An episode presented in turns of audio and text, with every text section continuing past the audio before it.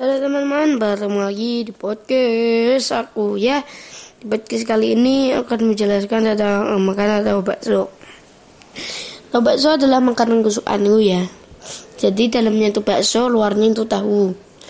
Ini adalah perpaduan yang sangat enak dan sangat um, maksudnya apa ya? Yang saling melengkapi.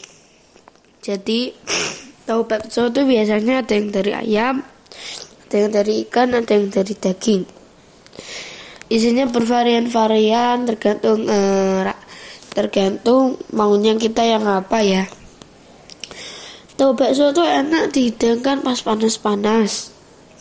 Karena itu rasanya yang hangat memberi sensasi sensasi berbeda pada kita.